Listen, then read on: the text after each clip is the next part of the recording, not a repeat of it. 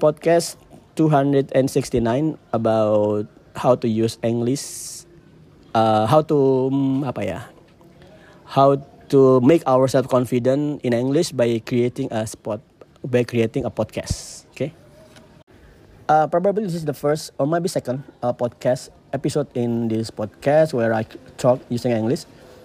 I just want to um, give an example to my mentee, to my students. I don't know whether you call it mentee or student. That's I think that's the same.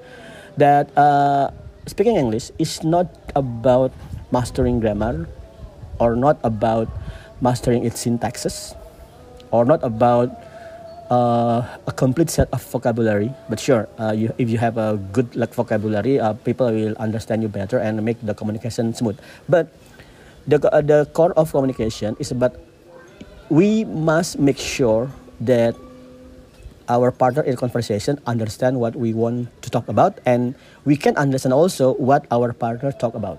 So for example there are uh, today's uh, around uh, about a year before 2024 uh, president electorate el- uh, electorate candidate. So i'm going to make an example about, about two per two candidate which is uh, anies and ganjar I'm not going to call them sir because they are public figures, so we can skip the salutation. So I can just call them uh, Anies and Ganjar. Okay. Uh, let's create uh, a situation where these two persons communicate to each other using English, and I'm going to simulate how they talk in English. Please be aware that I'm not creating this podcast with um, guidance in mind or I'm not creating a. This is a spontaneous podcast. Each of my podcasts here is spontaneous. Probably sometimes it make you think hard, or maybe just simple stuff that make you laugh. Hope so. But this time I'm going to talk in English, and I'm going to uh, make sure that uh, my mentee in Super Intensive Mentoring RWID, RWID, how do you call it? It's up to you. Uh, understand that communication communication is not about proper grammar or proper uh, vocabulary, but how we can understand each other. So let's make an example. Uh, Jokowi and sorry, Jokowi, Anis and Ganjar talk to each other. Anis said to Ganjar, "Hi Ganjar, uh, do you know that we come from the same university?" Ganjar said, "Yes." I'm not going to make a speech uh, improv impersonation. So impersonis impersonation so both of them are talking with the same uh, style. Ganjar said, "Yes, Anies, uh, we come from Gajah Mada University," and then Anies uh, talked. So I think it's uh, very uh, stupid. I'm going to be stupid. Sorry. I think it's very stupid. So I think it's very stupid if each of our uh, supporter make fun of us if they are come from the same university. For example, there are candidates, there are supporters in Gajah Mada University that support Anies and also support Ganjar. And sometimes each of them ridicule one another. Anies supporter make ridicule of Ganjar and Ganjar supporter make ridicule of Anies supporter. They are from the same university, but they are mocking uh, their fellow alumni, so that will make it stupid. So yeah, and Anies said, uh, what do you think uh, we should do, uh, Ganjar, so we can minimize our potential conflict? And Ganjar said, yeah, that's right, Anies. Uh, maybe we can just make a statement that we must make sure that we are come from the same university, so we come from the same neighborhood, so we have the same goal. So it's very stupid if we uh, make let our supporter ridicule one of another. What do you think? And Anies said, that's just correct, uh, Mr. Candidate. So let's uh, use uh, this weekend to create a statement about that. Yeah, finish. Guys, uh, if you think that, wow, Pak, Pak Eko is awesome because he can speak English natively.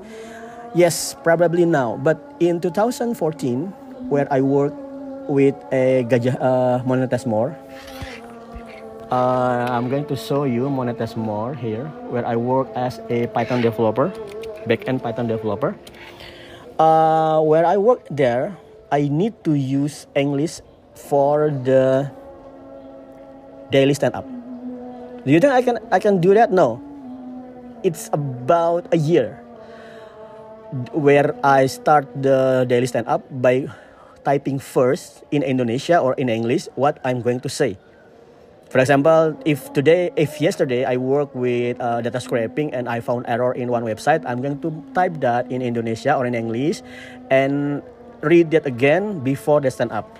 And in the stand up, I'm just reading it. So it's very cool because I can work, I can talk smooth, fast, and to the point and without any mistakes. Because what I read that in English, in English, bef- prior to that, I'm typing that in English.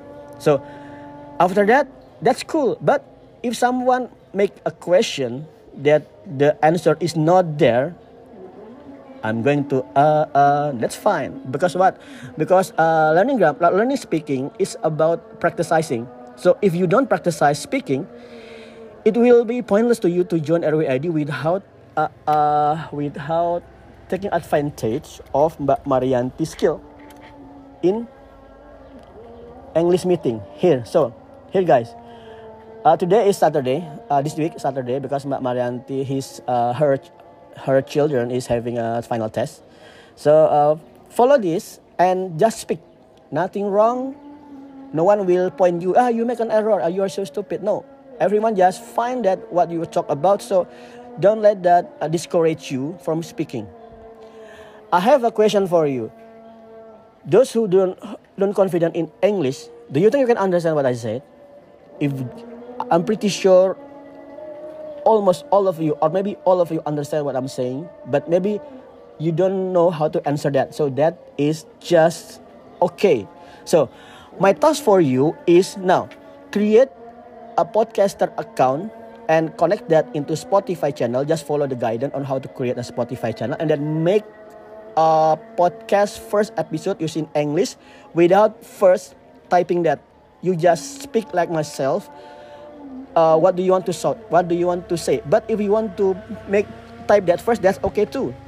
Anything whether you type it then typing that first and then speaking it speaking it or directly speaking it without any preparation that's okay. Why? Because there will be time where what you think and what you said uh, the the gap will be slower.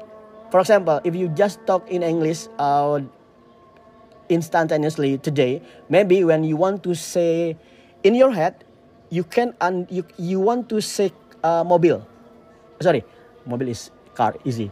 You want to say uh, bekerja dengan tulus misalnya gitu. But when you when you think about bekerja dengan tulus you said what do you talk what do you say that in english? Uh, uh, work kerja itu work work with tulus itu full heart mungkin ya. Fine nggak apa uh, contentiously atau full heart. Atau kamu cari aja kira-kira kata-kata yang kerja dengan ikhlas atau tulus itu work with uh, 100% heart bisa gitu. Uh, apa ya?